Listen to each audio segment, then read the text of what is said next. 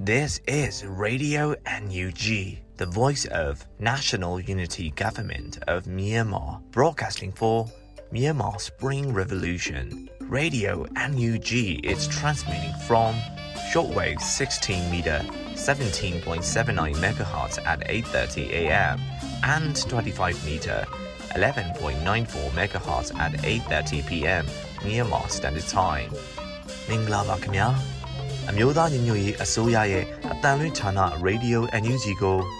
မနက်ပိုင်း၈နာရီခွဲမှာလိုင်းတို16မီတာစက္ကန့်တက်သမ9 MHz ညပိုင်း၈နာရီခွဲမှာလိုင်းတို25မီတာ17တက်သမ6 MHz တို့မှာဓာတ်ရိုက်ဖမ်းယူနိုင်နိုင်ပါပြီမင်္ဂလာအပေါင်းနဲ့ပြည့်စုံကြပါစေအခုချိန်ကစပြီး Radio NUG အစီအစဉ်တွေကိုဓာတ်ရိုက်အတန်လွှင့်ပေးနေပါပြီ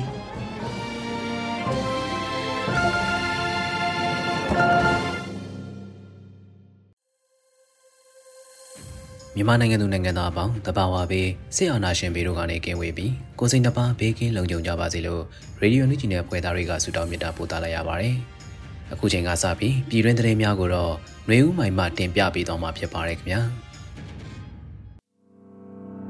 မင်္ဂလာမနက်ခင်းပါရှင်။အခုချိန်ကစပြီး2023ခုနှစ်အောက်တိုဘာလ12ရက်မနက်ခင်းပြည်တွင်းသတင်းများကိုဖတ်ကြားပေးပါတော့မယ်။ကျွန်မကတော့နှွေဦးမိုင်ဖြစ်ပါတယ်ရှင်။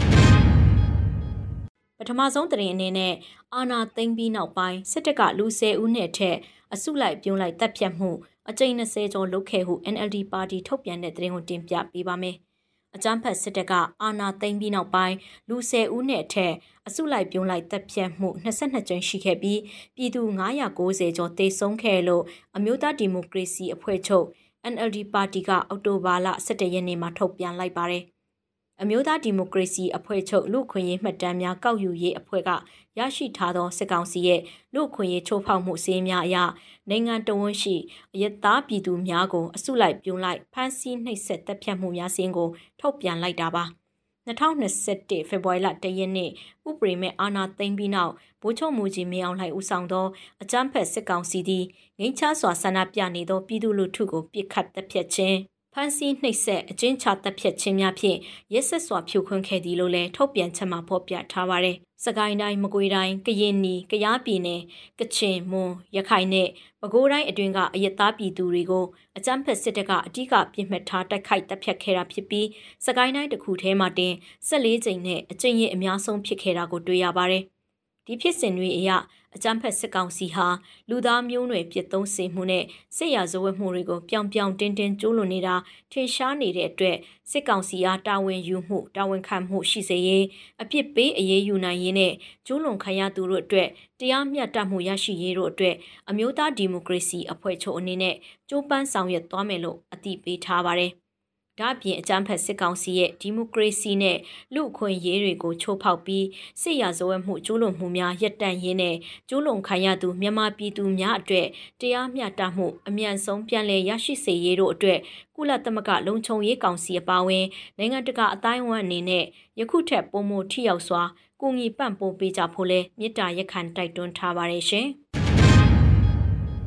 ဆက်လက်ပြီးအရက်သားများကိုပြစ်မှတ်ထားခြင်းနဲ့တပ်ဖြတ်ခြင်းကနိုင်ငံတကာဥပဒေများကိုချိုးဖောက်ခြင်းဖြစ်ပြီးလက်သင့်ခါရွေများကြောင်းကနေဒါတန်ယုံထုတ်ပြန်တဲ့သတင်းကိုတင်ပြပါမယ်။အရက်သားများကိုပြစ်မှတ်ထားခြင်းနဲ့တပ်ဖြတ်ခြင်းကနိုင်ငံတကာဥပဒေများကိုချိုးဖောက်ခြင်းဖြစ်ပြီးလက်သင့်ခါရွေများကြောင်းကနေဒါတန်ယုံကအောက်တိုဘာလ17ရက်တွင်ထုတ်ပြန်ခဲ့ပါတယ်။ အော်တိုဘာလ9ရက်နေ့ကကချင်ပြည်နယ်လိုင်ဇာမြို့အနီးတွင်ကလေးငယ်များအပါအဝင်အ ਨੇ ဆုံးအရက်သား29ရက်ကိုအသက်ဆုံးရှုံးစေခဲ့ပြီးအရက်သားပြည်သူအများပြားကိုတန်ရာရရှိခဲ့သောတိုက်ခိုက်မှုသတင်းများကြောင့်ကနေဒါနိုင်ငံကထိတ်လန့်တုန်လှုပ်မိတယ်လို့ထုတ်ပြန်ချက်မှာဖော်ပြထားပါတယ်။မြန်မာနိုင်ငံတွင်မြန်မာစစ်တပ်၏ပုံမှုဆိုးရွားလာသည့်အကြမ်းဖက်မှုတံကိုခံနေရသည်မှာထိလွယ်ခိုက်လွယ်ဆုံးအရက်သားများဖြစ်နေကြပြီး အရက်သားများကိုတိုက်ခိုက်ခြင်းကနိုင်ငံတော်ဝန်ဆိုးရွားသည့်အနေနဲ့ထိခိုက်နစ်နာမှုများကိုဆက်လက်ဖြစ်ပွားစေလိမ့်မယ်လို့ကနေဒါတန်ယုံကဆိုပါရယ်ကနေဒါနိုင်ငံကအဆိုပါအကြမ်းဖက်သည့်လူရဲများကိုရှုတ်ချလိုက်ပြီးအရက်သားများကိုပြစ်မှတ်ထားခြင်းနဲ့တပ်ဖြတ်ခြင်းကနိုင်ငံတကာဥပဒေများကိုချိုးဖောက်ခြင်းဖြစ်ပြီးလက်သင့်ခံ၍မရဘူးလို့ထုတ်ပြန်ချက်မှာပြောထားပါတယ်စစ်ကောင်စီအနေဖြင့် အကြမ်းဖက်မှုများကိုချက်ချင်းရပ်တန့်ရန်အယက်သားများအားပြစ်မှတ်ထားခြင်းကိုအဆုံးသတ်ရန်နိုင်ငံတကာဥပဒေများကိုလိုက်နာရန်အသိပေးထားပြီးမြန်မာနိုင်ငံတွင်လူသားချင်းစာနာမှုအကူအညီများကိုအပြည့်အဝနှင့်အကန့်အသတ်မရှိပေးခွင့်ပေးရန်တို့ကိုလည်းထပ်မံတောင်းဆိုထားပါတယ်ရှင်။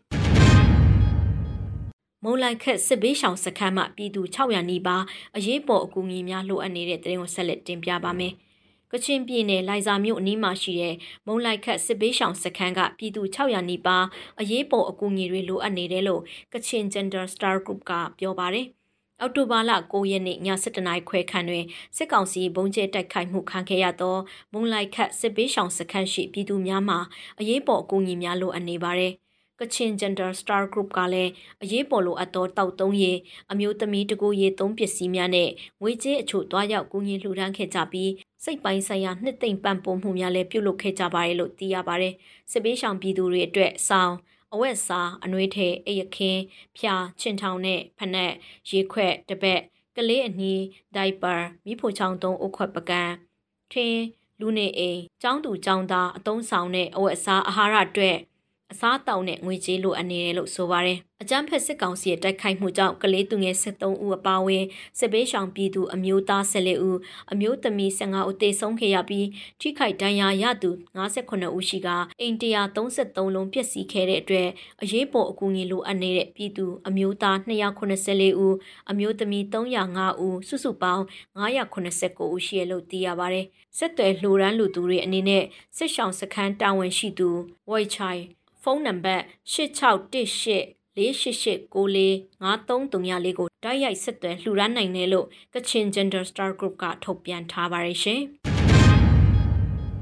ဆက်လက်ပြီးကရားစစ်ဒေသခွဲက PDF ရဲဘော်များကိုပြည်သူလူထုလုံခြုံရေးဆိုင်ရာတင်နန်းပေးတဲ့သတင်းကိုတင်ပြပါမယ်။ကရင်နီကရားပြည်နယ်စစ်ဒေသခွဲမှာတာဝန်ထမ်းဆောင်နေတဲ့ပြည်သူ့ကာကွယ်ရေးရဲဘော် PDF တွေကို ပြည်သူလူထုလုံခြုံရေးဆိုင်ရာတင်နန်းတွေတင် जा ပေးခဲ့လို့အမျိုးသားညီညွတ်ရေးအစိုးရကာကွယ်ရေးဝန်ကြီးဌာနကအောက်တိုဘာလ17ရက်နေ့ကထုတ်ပြန်လိုက်ပါတယ်။စက်တင်ဘာစရုပ်ထပတ်မှာကရာစစ်ဒေသခွဲကပြည်သူလူထုလုံခြုံရေးဌာနတာဝန်ရှိသူနဲ့တက်ရင်လုံအရာရှိများက PDF ရဲဘော်များနဲ့အတူရှေ့တန်းစစ်မြေပြင်တနေရာမှာလူအခွင့်ရေးကြီးညာစာရန်အပြည့်ပြည့်ဆိုင်ရာလူသားချင်းစာနာမှုဥပဒေ စစ်သေးတော်ကျင့်ဝတ်စည်းကားများတင် जा ပို့ချခဲ့လို့ဆိုပါတယ်။အဲ့ဒီတင်နန်းမှာအမျိုးသားညီညွတ်ရေးအစိုးရကာကွယ်ရေးဝန်ကြီးဌာနပြည်သူ့ကာကွယ်ရေးတပ်မတော်တို့ပေါ်ပေါက်လာပုံဖွဲ့စည်းပုံရည်ရွယ်ချက်နဲ့လုပ်ငန်းစဉ်များကိုရှင်းလင်းမျှဝေခဲ့လို့သိရပါတယ်။ဒါ့အပြင်တင်နန်းမှာစစ်ရေးဆိုင်ရာပြစ်မှတ်သတ်မှတ်ချက်များကိုရှင်းလင်းမြင်သာစေရန်လက်တွေ့အစီအစဉ်များလည်း လေ့ကျင့်လှုပ်ဆောင်ခဲ့လို့ထုတ်ပြန်ထားပါတယ်။အမျိုးသားညီညွတ်ရေးအစိုးရကာကွယ်ဝင်ကြီးဌာနပြည်သူ့ကာကွယ်ရေးတပ်မတော် PDF အနေနဲ့ PDF တပ်မတော်သားများလိုက်နာကျင့်ဆောင်ရမယ့်ပြည်သူလူထုလုံခြုံရေးဆိုင်ရာကိစ္စရပ်များကိုစင်ဆက်မပြတ်တင် जा ပို့ချနေတာဖြစ်ပါတယ်ရှင်။ဆက်လက်ပြီးအမှတ်1338 SSRY တပ်ရင်းမှရဲဘော်23ဦး KNDF တပ်ရင်း2နဲ့တရုံပူပေါင်းတဲ့တရင်ကိုတင်ပြပါမယ်။ အမှတ်1338 SSRY တပ်ရင်း Southern Shan Revolution Unit မှရဲဘော်3ဦး KNDF တပ်ရင်း2မှာတရဝန်တာဝန်ထမ်းဆောင်နေပြီလို့သိရပါတယ်။အဲ့လိုတာဝန်ထမ်းဆောင်နေတဲ့အကြောင်းကို KNDF တပ်ရင်း2ကအောက်တိုဘာလ10ရက်နေ့ရက်စွဲနဲ့ထုတ်ပြန်လိုက်တာပါ။ SSRY တပ်ရင်းဟာရှမ်းကရားနယ်စပ်နဲ့ကရင်နီနယ်မြေတွေမှာ KNDF အပါအဝင်အခြားသောတော်လှန်ရေးတပ်ဖွဲ့တွေနဲ့ပူးပေါင်းတိုက်ပွဲဝင်နေတဲ့တပ်ရင်းဖြစ်ပြီးယခုအခါကာကွယ်ဝင်ကြီးဌာန MOD အောက်တွင်အမှတ်3စစ်ဒေသအတွင်းတပ်ရင်းအမှတ်1338အဖြစ်တိုက်ပွဲဝင်နေတဲ့တပ်ရင်းဖြစ်တယ်လို့သိရပါတယ်။အရင်ကအမှတ်1338 SSRY တပ်ရင်းမှာတထောက်တာဝန်ယူခဲ့တဲ့ကိုဗစ်နဲ့အတူရဲဘော်22ဦးဟာ စုစုပေါင်းစစ်ရေးဥဆောင်မှုကိုခံယူလိုသောရည်ရွယ်ချက်နဲ့ KNDF အမှတ်နှစ်တပ်ရင်းကိုပူးပေါင်းခဲ့တာဖြစ်ပြီးလက်ရှိမှာကဏ္ဍအသီးသီးမှာတယဝင်တာဝန်ထမ်းဆောင်နေပြီလို့အသိပေးထားပါတယ်။ရွှေ့ပြောင်းရောက်ရှိလာတဲ့ရဲဘော်တွေကို KNDF အမှတ်နှစ်တပ်ရင်းမှာစစ်တင်တန်းတက်ရောက်စေခဲ့ပြီးကိုပိုင်အမှတ်ပေးအချင်းယူနီဖောင်းတပ်ဖွဲ့တစိမ့်အနှံ့ချင်းဂရိသစ္စာခံယူခြင်းတို့ပြုလုပ်ခဲ့ပြီးကြိုးဆိုခဲ့တယ်လို့လည်းသိရပါတယ်။မိမိတို့အနေနဲ့အကောင်းပြီး စုစည်းညီညွတ်သောအမိန့်ပေးကွက်ကဲမှုအတွက်ရှင်းရှုပြီးတာဝန်ထမ်းဆောင်သွားကြမှာဖြစ်တယ်လို့ KNDF အမှတ်နှစ်တရင်ကကြေပြုထားပါတယ်ရှင်။ CDM ပြုတ်လုသောတက်ကြက်ကြီးစရင်နဲ့ဇနီးကိုစုငွေချင်းမြင့်ပြီးဘေးလွတ်ရာသို့ပို့ဆောင်ခဲ့တဲ့တဲ့ကိုဆက်လက်တင်ပြပါမယ်။အကြမ်းဖက်စစ်ကောင်စီကနေပြည်သူရင်ခုံကိုခိုလုံကစီဒံပြုတ်လုခဲ့တဲ့ တက်ချက်ကြီးစရင်နဲ့သူ့ဇနီးကိုဘေးခင်းလုံခြုံတဲ့နေရာပို့ဆောင်ပေးခဲ့ပြီးစုငွေချက်17သိန်းချိမြင့်ပေးခဲ့လို့ကဝမြို့နယ်ပြည်သူ့ကာကွယ်ရေးအဖွဲ့ကပြောပါတယ်၎င်းတို့ကိုအမျိုးသားညီညွတ်ရေးအစိုးရ NUG ကာကွယ်ဝင်ကြီးဌာနပြည်သူ့ရင်ခွင် People Embrace နဲ့ချိတ်ဆက်ကကူညီဆောင်ရှောက်မှုများဆက်လက်လှုပ်ဆောင်ပေးနေပြီးသူတို့ရဲ့လုံခြုံရေးအရာအခုမှသတင်းထုတ်ပြန်တာလို့ဆိုပါတယ်။ ကဝမြို့နယ်ပြည်သူ့ကာကွယ်ရေးတပ်ဖွဲ့အနေနဲ့ပြည်သူ့ထံခိုလုံလာသည့် CDM တပ်မတော်သားများနဲ့ရဲတပ်ဖွဲ့ဝင်များကိုဝမ်ပန်းတသားကြိုးဆိုလက်ခံပြီးကုငီဆောင်ရှောက်မှုတွေပြုလုပ်သွားမှာဖြစ်တယ်လို့လည်းအသိပေးထားပါတယ်။ဒါကြောင့်အကြမ်းဖက်စစ်ကောင်စီလက်အောက်မှာကြန့်ရှိနေတဲ့တပ်မတော်သားများနဲ့ရဲတပ်ဖွဲ့ဝင်များပြည်သူ့ဘက်သို့အမြန်ဆုံးခိုလုံပြီးစီဒံပြုတ်လို့ကြဖို့လဲကဝမြို့နယ်ပြည်သူ့ကာကွယ်ရေးအဖွဲ့ကအသိပေးတိုက်တွန်းထားပါတယ်ရှင်။ ဆက်လက်ပြီးမုံလိုက်ခတ်စစ်ဘေးရှောင်စခန်းအတွက် The Way Musical Film ကစက်သိန်းတရာလှူဒါန်းတဲ့သတင်းကိုတင်ပြပါမယ်။အကြမ်းဖက်စစ်ကောင်စီရဲ့တိုက်ခိုက်ခြင်းခံလိုက်ရတဲ့ကချင်ပြည်နယ်လိုင်ဇာဒေသကမုံလိုက်ခတ်စစ်ဘေးရှောင်စခန်းအတွက်အရေးပေါ်အသုံးပြုနိုင်ဖို့ The Way Musical Film က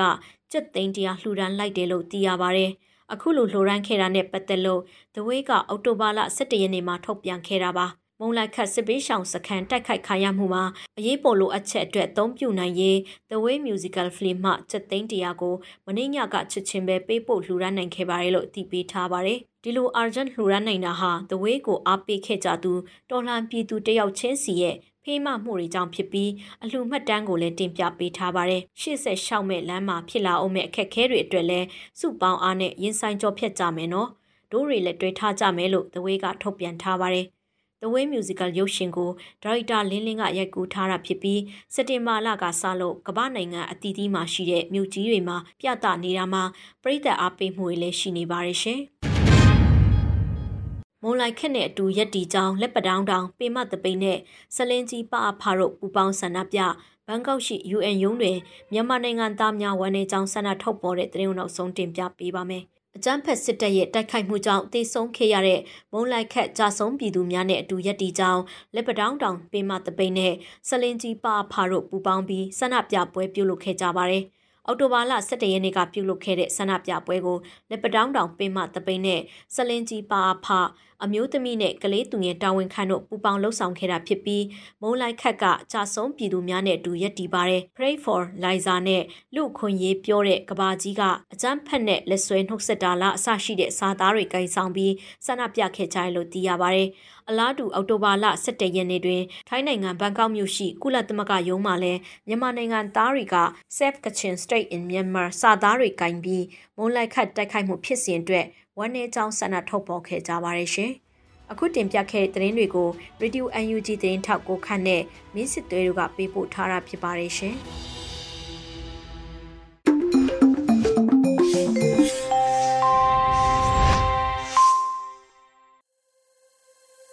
ပြည်တွင်းသတင်းများကိုနားတော်တာဆင်ခဲ့ကြရတာဖြစ်ပါတယ်။အခုတခါဥမမောင်ဆွေဒုတွင်းဝင်ပြောရေးဆိုခွင့်ရှိသူရဲ့ပြည်သူလူထုထံသို့ နွေဦးတော်လိုင်းအောင်ပွဲသတင်းများတင်ပြခြင်းအစီအစဉ်ကို နားဆင်ကြမှာဖြစ်ပါတယ်ခင်ဗျာအားလုံးပဲမင်္ဂလာပါဒီတစ်ပတ်မှာတော့ကျွန်တော်တို့ပြည်သူ့ကာကွယ်ရေးတပ်မတော်ရဲ့စစ်ရေးအောင်ပွဲသတင်းတွေနဲ့ပြည်သူ့ခုခံတွန်းလှန်ရေးရဲ့လက်ရှိအခြေအနေရှေ့အလားအလာတွေကိုပြည်သူလူထုကိုထုံးထုတ်တင်ပြသွားမှာဖြစ်ပါတယ်အမျိုးသားညီညွတ်ရေးအစိုးရကာကွယ်ရေးဝန်ကြီးဌာနအနေနဲ့စစ်အာဏာရှင်ကိုအမြင့်ဖြတ်တိုက်ခိုက်နိုင်ဖို့အတွက်ကို စစ်စင်ရေးကြီးတွေကိုဆင်နွှဲဆောင်ရွက်လျက်ရှိပါတယ်။အဓိကစစ်စင်ရေးတွေအနေနဲ့စစ်တောင်းမြဝန်းဒေသစိုးမိုးရေးစစ်စင်ရေးနဲ့အေယာဝတီမြစ်အနောက်ဘက်ကမ်းဒေသစိုးမိုးရေးစစ်စင်ရေးတွေကိုဆောင်ရွက်လျက်ရှိပါတယ်။ဒီစစ်စင်ရေးတွေအနေနဲ့ကရန်သူစိုးမိုးနေနယ်မြေကိုထိုးဖောက်ပြီးတော့ဝင်ရောက်တိုက်ခိုက်ရတဲ့စစ်စင်ရေးတွေဖြစ်တဲ့အတွက်မဟာဗျူဟာအရကျွန်တော်တို့အတွက်အင်မတန်ကိုအရေးကြီးတဲ့စစ်စင်ရေးတွေလို့လည်း ပြောလို့ရပါတယ်။ရန်ကုန်နေပြည်တော်အမြန်လမ်းရဲ့အနောက်ဘက်ခြမ်းဖြစ်တဲ့စစ်တောင်းမြဝဒေသစိုးမိုးရေးကိုဆောင်ရွက်နေပြီဖြစ်တယ်လို့ပဲတကိုးတိုင်းအနောက်ဘက်ခြမ်းနဲ့မကွေးတိုင်းရဲ့ဒေသအချုပ်ပါတဲ့ AR မြစ်အနောက်ဘက်ကမ်းဒေသစိုးမိုးရေးအတွက်ကိုလည်းစစ်စင်ရေးလုပ်ငန်းတွေကိုဆောင်ရွက်လျက်ရှိပါတယ်ဒီစစ်စင်ရေးနယ်မြေကြီးနှစ်ခုရဲ့အလယ်မှာမဟာဗျူဟာအရအင်မတန်အရေးပါတဲ့ ဘကိုးရိုးမကြီးလည်းတည်ရှိပါတယ်ဆိုတော့စစ်တောင်းမြစ်ဝမ်းဒေသပဲခူးတိုင်းအနောက်ဘက်ခြမ်းနဲ့မကွေးတိုင်းဒေသတွေမှာစစ်ရေးအောင်ပွဲတွေရရှိနေသလိုပဲအကြမ်းဖက်စစ်တပ်အနေနဲ့1985ခုနှစ်နောက်ပိုင်းမှာဘယ်လက်နက်ကင်အဖွဲ့အစည်းမှခြေချခြင်းမရှိစေရဆိုပြီးတော့ဂုံယူသောဝင်ကြွားထားတဲ့အဲ့ဒီပဲခူးရိုးမဒေသကို အခုအချိန်ຫນွေဦးတော်လိုင်းမှာဆိုရင်တော့ပြည်သူ့ကာကွယ်ရေးတပ်မတော်သားတွေမဟာမိတ်တော်လိုင်းအင်အားစုတွေကထိုးဖောက်ဝင်ရောက်ပြီးတော့စခန်းသိမ်းတိုက်ပွဲတွေတိုက်ခိုက်နိုင်နေပြီစစ်ကောင်စီရဲ့စစ်ကြောင်းတွေကိုကြားပြတ်တိုက်ခိုက်ပြီးတော့ခြေမုံတိုက်ခိုက်နိုင်နေပြီဆိုတာကိုတင်ပြခြင်းပါတယ်မင်းလာမြို့နယ်ကရုံးမဖြတ်ကျော်လမ်းမှာရှိတဲ့အကြံဖက်စစ်ကောင်စီရဲ့ခါကျင်တောင်စစ်စခန်းကိုတိုင်ရင်383မြနှစ်တက်ခွဲ9ကဝင်ရောက်တိုက်ခိုက်ပြီးတော့သိမ်းပိုက်နိုင်ခဲ့ပါတယ် အဲ့လိုပါပဲဘီကြောင်ကုန်းကိုစစ်ကြောင်းထိုးလာတဲ့အင်အား100လောက်ပါတဲ့စစ်ကြောင်းကိုလည်းသူတို့ပြည်သူ့ကာကွယ်ရေးတပ်မတော်သားတွေကချိတ်ကြိုတိုက်ခိုက်ပြီးတော့16ဦးကိုခြေမုံတုတ်တင်နိုင်ခဲ့ပါတယ်နောက်ပြီးတော့အမြန်လန်း162မိုင်မှာရှိတဲ့စိတ်ဖူးတောင်စစ်စခန်းကိုလည်းဝင်ရောက်တိုက်ခိုက်ပြီးတော့အကြမ်းဖက်စစ်ကောင်စီတပ်သား15ဦးကိုကျွန်တော်တို့ချေမုန်းနိုင်ခဲ့ပါတယ်။ဒါတွေကပကိုးရိုးမပေါ်မှာပြီးခဲ့တဲ့ရက်ပိုင်းတွေကဖြစ်တဲ့ကျွန်တော်တို့ပြည်သူ့ကာကွယ်ရေးတပ်မတော်သားတွေရဲ့ຫນွေဦးအောင်ပွဲတွေဖြစ်ပါတယ်။ဆိုတော့ ပကိုးတိုင်းတွေအကြမ်းဖက်စစ်ကောင်စီအတွက်ဆိုရင်သူတို့ရဲ့အိမ်ဖြစ်တဲ့နေပြည်တော်နဲ့စီးပွားရေးမြို့တော်ဖြစ်တဲ့ရန်ကုန်တိုင်းကိုထိစပ်ထားတဲ့တိုင်းဖြစ်တဲ့အတွက်မဟာဗျူဟာအရာအင်မတန်ကိုအရေးပါတယ်လို့ပဲဟောက်ဖို့လမ်းကြောင်းအရာလည်းအင်မတန်အရေးပါတဲ့တိုင်းနဲ့တိုင်းတစ်ခုဖြစ်ပါတယ်အဲ့ဒါကြောင့်ဟိုးအရင်တည်းကဟိုစစ်ကြောင်းကြီးရဲ့အရှိတ်ဘက်ကန်းကဝင်ရောက်လာမဲ့တိုင်းသားတော်လိုင်းရဲ့အဖွဲ့တွေမဝင်ရောက်နိုင်အောင်ဆိုပြီးတော့ စစ်ကြောင်းမြစ်တစ်လျှောက်မှာတော့ရန်ကုန်အဲ့ဒီရန်ကုန်မန္တလေးလမ်းဟောင်းတစ်လျှောက်မှာတော့စစ်စခန်းတွေကင်းစခန်းတွေကိုအထက်ထပ်အစစ်စိတ်ချပြီးတော့ဒါကာကွယ်ထားခဲ့တဲ့တိုင်းနဲ့ဖြစ်ပါတယ်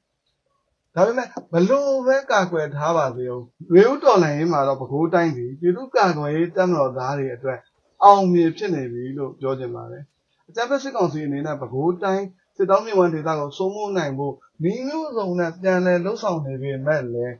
ကျွန်တော်တို့ပြည်သူ့ကာကွယ်ရေးတပ်မတော်သားတွေကပုံမူပြီးတော့ထိုးပေါက်ဝင်ရောက်လာနိုင်တယ်ပုံမူပြီးတော့စိုးမိုးလာနိုင်နေပြီဆိုတာကိုလည်းထားလောင်းပြီးတော့တင်ပြချင်ပါတယ်ပြည်သူတို့ရဲ့ခုခံတွန်းလှန်စေနှစ်နှစ်အတွင်းမှာမဟာဗျူဟာခံစစ်ကနေပြီးတော့မဟာဗျူဟာထိုးစစ်အကြိုကာလကိုပြည်သူလူထုရဲ့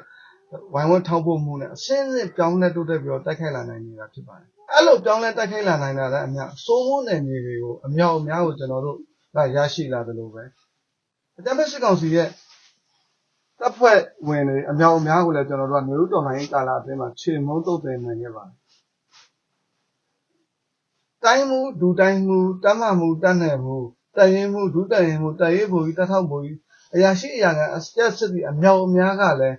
စစ်တပ်ရမှာကြောက်တဲ့အတွက်အမိမနာခံမှုနဲ့ဖမ်းဆီး အရေးယူခြင်းလည်းအမြောက်အများခံနေရတယ်လို့ပဲရှေ့တန်းတွေမှာဆိုရင်လည်းရေဆိုင်တိုက်ပွဲကိုမတိုက်မတိုက်တော့ဘဲထွက်ပြေးနေကြတာလည်းအမြောက်အများကိုရှိနေပါတယ်တစ်ဆက်တည်းမှာပဲကျွန်တော်တို့ပြည်သူ့ရင်ဝင်နဲ့ချိတ်ဆက်ပြီးပြည်သူ့ရင်ဝင်ကိုခိုးလုံလာတဲ့အရာရှိအရာကအကြက်စစ်တွေလည်းအခုချိန်မှာဆိုတောင်းခွဲမိမိကိုရှိနေပြီဆိုတာကိုလည်းထပ်လောင်းပြီးတော့ပြောချင်ပါတယ်အဲ့လိုပါပဲ ပြည်တွင်းမှာပဲဆက်လက်နေထိုင်နေပြီးတော့ဖရဲသည့်စီမံချက်မှာဆက်လက်လုပ်ကင်ဆောင်ရွက်ဖို့နေပြီးတော့ကျွန်တော်တို့ညွှန်ကြားထားတဲ့ဖရဲသည့်တွေကအခုချိန်မှာဆိုအမြောက်အများရှိနေပြီဖြစ်လို့သူတို့ရဲ့တမဌာနချုပ်တွေစေယုံချုပ်တွေကကျွန်တော်တို့ရဲ့ဖရဲကင်းတွေလို့တော့ပြောလို့ရတဲ့အခြေအနေအထိကိုဖြစ်နေပါပြီဒါကြောင့်အချက်သက်စစ်ကောင်စီအနေနဲ့အင်အားမလုံလောက်မှုကိုကြုံတွေ့နိုင်ရတဲ့အတွက်သူတို့ရဲ့လက်ယုံတက်တွေ ရဲတပ်ဖွဲ့ဝင်တွေမိသားတပ်ဖွဲ့ဝင်တွေကိုရှေ့တန်းကိုပို့ပြီးတော့တိုက်ခိုင်းရုံနဲ့မကပဲအခုချိန်မှာဆိုရင်တော့ဒေသခံပြည်သူလူထုကိုကြက်ကင်ချင်းချောက်ပြီးတော့ပြည်သူစစ်ဖွဲ့စည်းပြီးတော့လက်နက်တပ်ဆင်လာတဲ့လုပ်ငန်းတွေကိုလည်းလုပ်နေတာကိုတွေ့ရှိရပါတယ်။အဲ့ဒီတည်းကမှဟိုဓာတ်ဟိုပြည်သူစစ်တော်တော်များများလဲကျွန်တော်တို့နဲ့ချိတ်ဆက်ပြီးတော့လင်းဝင်ရောက်လာတာရှိတယ်ရှိပြီဖြစ်သလိုနောက်ပြည်သူစစ်တော်တော်များများကလည်းအလင်းဝင်ရောက်လာဖို့ချိတ်ဆက်ထားတဲ့အတွက်ကျွန်တော်တို့အနေနဲ့လက်နက်နဲ့တော့ကအလင်းဝင်ရောက်လာဖို့ လက်နက်ပါတယ်ဆိုရင်ပြည်သူလူထုကချီးမြှင့်ဝင်ပေးတယ်ဆိုတဲ့သတင်းစကားကိုလည်းပါပြီးတော့ကျွန်တော်တို့ချိတ်ဆက်ဆောင်ရွက်နေတာတွေလည်းရှိပါတယ်။အဲအပြုံးပြမှုအင်မတန်များလာတဲ့စစ်ကောင်စီကဘယ်တုန်းကမှပြည်သူစစ်ဖွဲ့ခဲ့ခြင်းမရှိတဲ့ရန်ကုန်တိုင်းပဲခူးတိုင်းနေပြည်တော်မန္တလေးတိုင်းလိုနေရာမျိုးတွေမှာတော့အခုချိန်မှာဆိုတော့ပြည်သူစစ်ကိုဖွဲ့ပြီးတော့လုံခြုံရေးလုပ်ငန်းတွေကိုဖြည့်ဆည်းဆောင်ရွက်ရနေရတဲ့အထီကိုတက်မှာပြက်နေပြီအင်အားပြုံးတိမှု များနေပြီဆိုတာကိုလည်းပြည်သူလူထုကိုထားလောင်းပြီးတော့တင်ပြကြပါတယ်ဒါတွေကပြည်သူတို့ရဲ့ခုခံတွန်းလှန်စစ်နှစ်နှစ်အတွင်းမှာရရှိလာခဲ့တဲ့ပြည်သူ့ຫນွေဦးအောင်ပွဲတွေရဲ့အစိပ်ပိုင်းလေးတွေဖြစ်တယ်ဆိုတာကိုလည်းထားလောင်းပြီးတော့ပြောချင်ပါတယ်မကြာမီကာလမှာမဟာဗျူဟာထိုးစစ်အရာနိုင်ငံအနှံ့မှာတိုင်းနဲ့ပြည်နယ်ခရိုင်မြို့နယ်ဒေသအသီးသီးမှာယာနှုံးပြည့်ကွက်ပြည့်နေပြီးတော့ တိုက်ခိုက်လာနိုင်နေပြီဆိုရင်တော့အကြမ်းဖက်စစ်ကောင်စီအနေနဲ့ဒီတက်ပို့ပြီးတော့အင်အားပြုံးပြီးလာမယ်ဒီတက်ပို့ပြီးတော့တက်ပြက်လာဖို့ရှိတယ်ဆိုတာကိုထပ်လောင်းပြီးတော့ပြောချင်ပါတယ်။ဒါကြောင့်အကြမ်းဖက်စစ်ကောင်စီရဲ့ကပိုက်ဆောင်တပ်သားတွေအနေနဲ့ရှေ့လာမယ့်အနာဂတ်ကာလမှာအကြမ်းဖက်စစ်ကောင်စီကိုကာကွယ်ရင်းနဲ့ကိုယ့်ရဲ့ဘဝကိုမိသားစုရဲ့ဘဝကိုကြက်သုံးခံမလားဒါမှမဟုတ်ဘူးဆိုရင်ပြည်သူနဲ့ပူးပေါင်းပြီးတော့တနတ်ပြောင်းကို ဆေးအာနာရှင်ဘက်ကိုလှည့်မလားဆိုတာကိုပြက်ပြက်သားသားဆုံးဖြတ်ရမယ့်အချိန်ရောက်ပြီဆိုတာကိုဒီနေ့ကထပ်လောင်းပြီးတော့တိုက်တွန်းလိုက်ပါတယ်အရေးတော်ဘုံအောင်ကိုအောင်ရမည်အရေးတော်ဘုံအောင်ကိုအောင်ရမည်အရေးတော်ဘုံအောင်ကိုအောင်ရမည်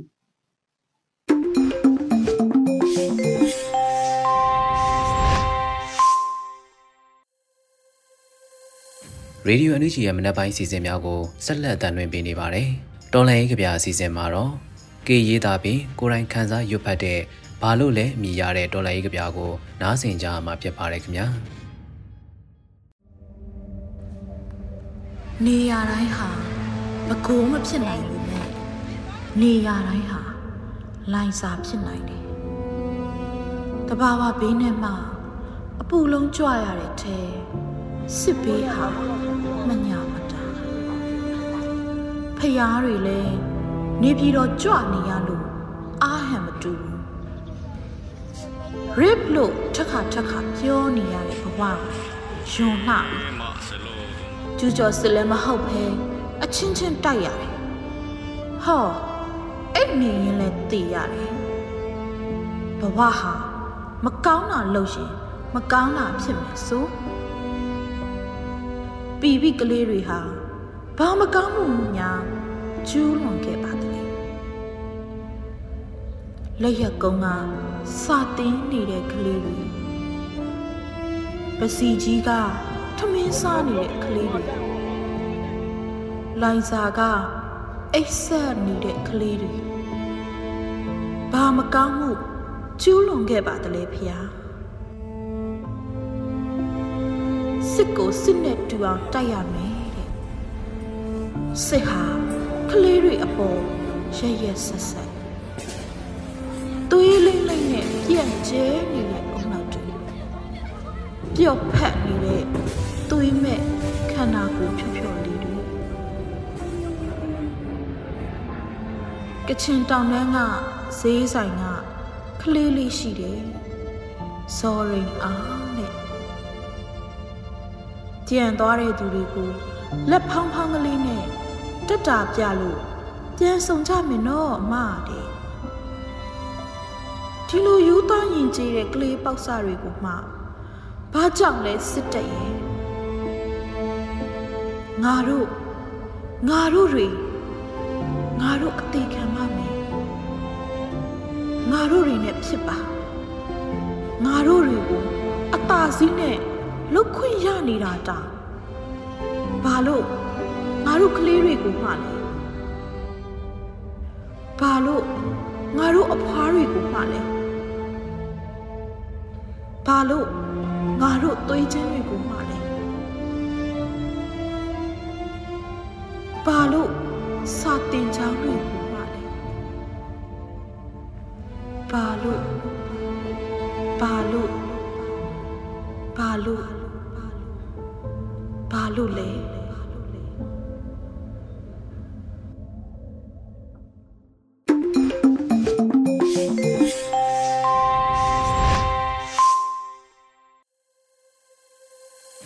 အခုနောက်ဆုံးထုတ်လွှင့်ပေးမှာကတော့တော်လန်ကြီးတေးဂီတာအစီအစဉ်ပဲဖြစ်ပါတယ်။တေးရီတေးဆိုဘာကြီးအောင်ရဲ့မငိုပါနဲ့ကလေးရဲ့မိရတဲ့တော်လန်ကြီးတခြင်းကိုနားဆင်ကြရမှာဖြစ်ပါတယ်ခင်ဗျာ။